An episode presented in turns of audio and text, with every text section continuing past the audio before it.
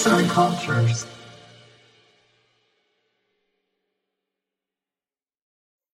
Merhabalar. Ben Berfin Karakaya.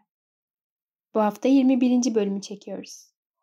Ve bu hafta diğer haftalardan farklı olacak. Çünkü öğrendiklerimi, okuduklarımı sizinle paylaşacağım. Bunun için gerçekten heyecanlıyım. Çünkü ilk defa böyle bir şey deniyorum.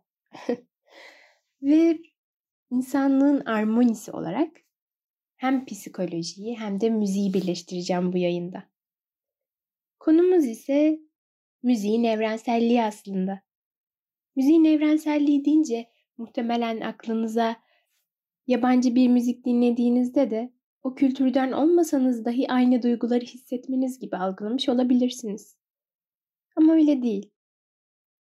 Ben bu sefer gerçekten evrensel olduğunu, sadece insan bazında bakmamamız gerektiğini, çeşitli araştırmaların bizlere hayvanların da müzikten nasıl etkilendiğini gösterdiğinden bahsetmek istiyorum. Ya müzik öyle bir şey ki işte Orta Asya Türk kültüründe de görüyoruz. Müziğin önemli işlevleri olduğunu, hatta tedavilerde kullanıldığını. Çünkü rivayetlere, efsanelere, hikayelere hep konu olan bir mesele. Sonra eski Romalılar müzik için diyor ki müzik ruhu yatıştırır, ruh hastalıklarını iyi yönde etkiler. İşte eski Yunanlara göre de müzik her türlü erdemin kökeni. Hem müzik hem matematik çok önemli, öğretilmelidir. Yani baktığımızda müzik terapi 4000 yıldan beridir farklı kültürlerde tedavi amaçlı zaten kullanılan bir şey. Ama bu nasıl peki gerçekten bir disiplin haline geldi? Bunu öğrendiğimde gerçekten çok şaşırmıştım. Şimdi şey var böyle. 20. yüzyılda hani Dünya Savaşı oldu, 2. Dünya Savaşı.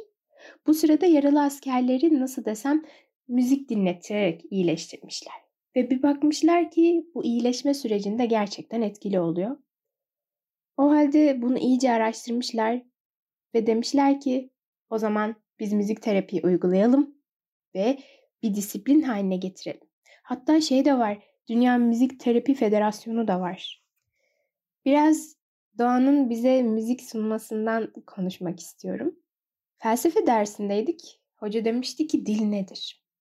Hayda işte dil nasıl oluşmuştur? Sonra işte cevaplar geldi.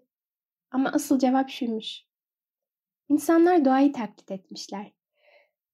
Kuşların cıvıltısını, rüzgarın sesini, ondan sonra suyun o şırıltısını. Daha sonra dil oluşmuş. Duyduklarımız bize bir müziği anlatırmış. Aslında Shakespeare'in dediği gibi dünya dinlemek isteyene bir müzik sunuyor.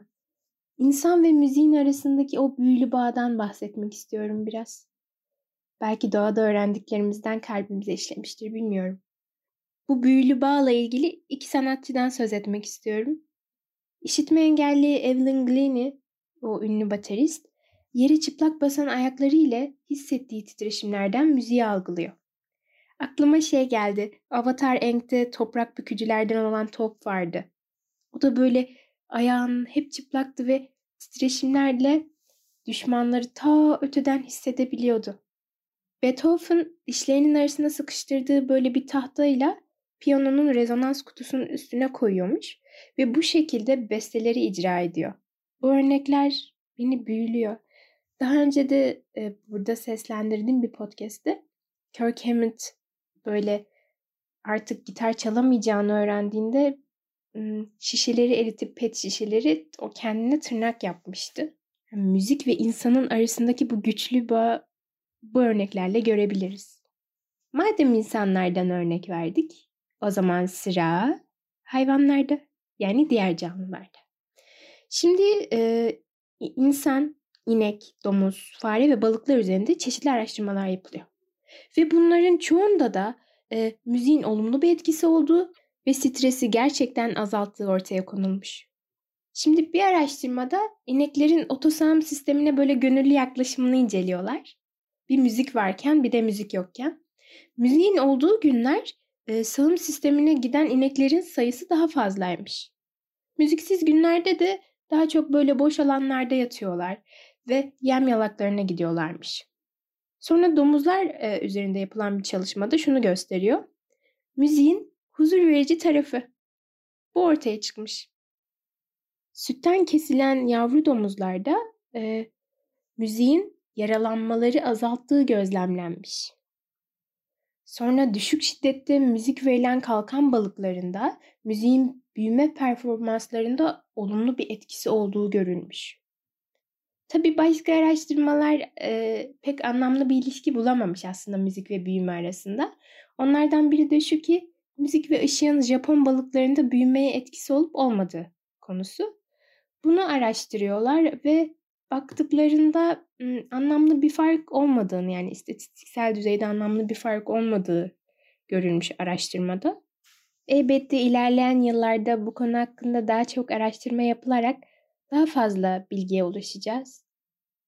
Ama şu an elimizdeki bilgiler bile bize müziğin gerçekten evrensel olduğunu kanıtlar nitelikte. Bu hafta biraz müziğin insanlar ve çeşitli canlılar üzerindeki etkilerinden bahsetmek istedim. Buraya kadar dinlediğiniz için çok teşekkür ederim.